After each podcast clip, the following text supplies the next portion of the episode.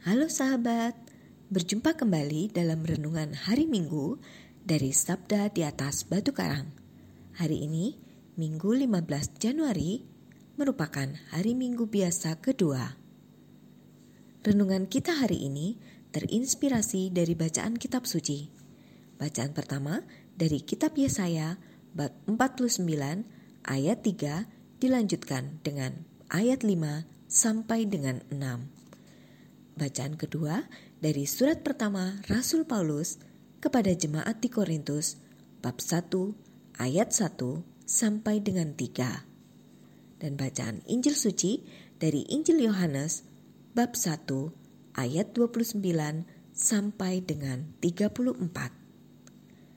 Mari kita siapkan hati kita untuk mendengarkan sabda Tuhan.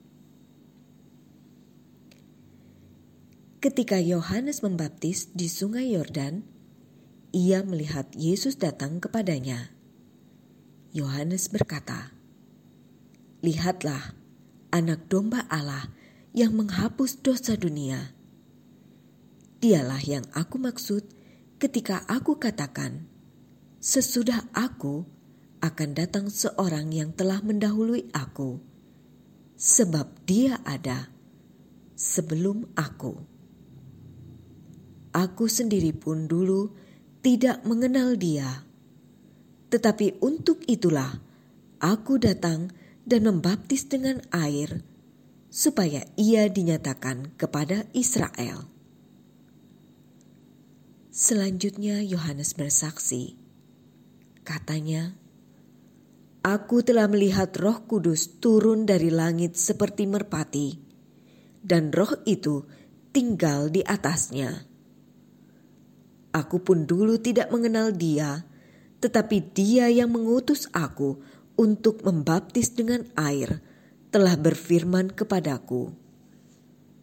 Jika engkau melihat roh itu turun ke atas seseorang dan tinggal di atasnya, dialah yang akan membaptis dengan roh kudus. Aku telah melihatnya dan memberi kesaksian. Dia inilah Putra Allah. Demikianlah sabda Tuhan. Terpujilah Kristus. Saudara-saudari yang terkasih, belum lama ini viral tentang prediksi atau nubuat bakal calon presiden. Dengan ciri-ciri berambut putih, dahi berkerut, dan sudah lama dikenal masyarakat, dan sebagainya. Biarlah banyak pengamat politik, paranormal, atau orang awam untuk saling memprediksi, meramal, atau menubuatkan presiden baru untuk pemilu di tahun 2024 nanti. Namun, pada hari Minggu ini, kita diajak untuk memahami tentang Mesias, yaitu Yesus Kristus. Bacaan kitab suci hari ini menggemakan nubuatan tentang Mesias dengan ciri-ciri bahwa ia akan membawa pendamaian bagi dosa, keselamatan bagi semua bangsa, pemulihan Israel, dan hukuman atas orang-orang yang fasik. Nubuat itu telah tergenapi dalam seruan Yohanes Pembaptis.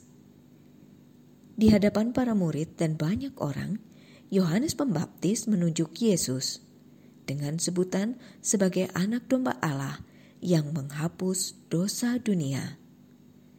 Dialah yang membawa keselamatan dan jalan untuk memperoleh damai sejahtera dari Allah. Saudara-saudari yang terkasih, sabda Tuhan hari ini memberi seruan juga bagi kita untuk menanggapi kedatangan Yesus, Sang Anak Domba Allah.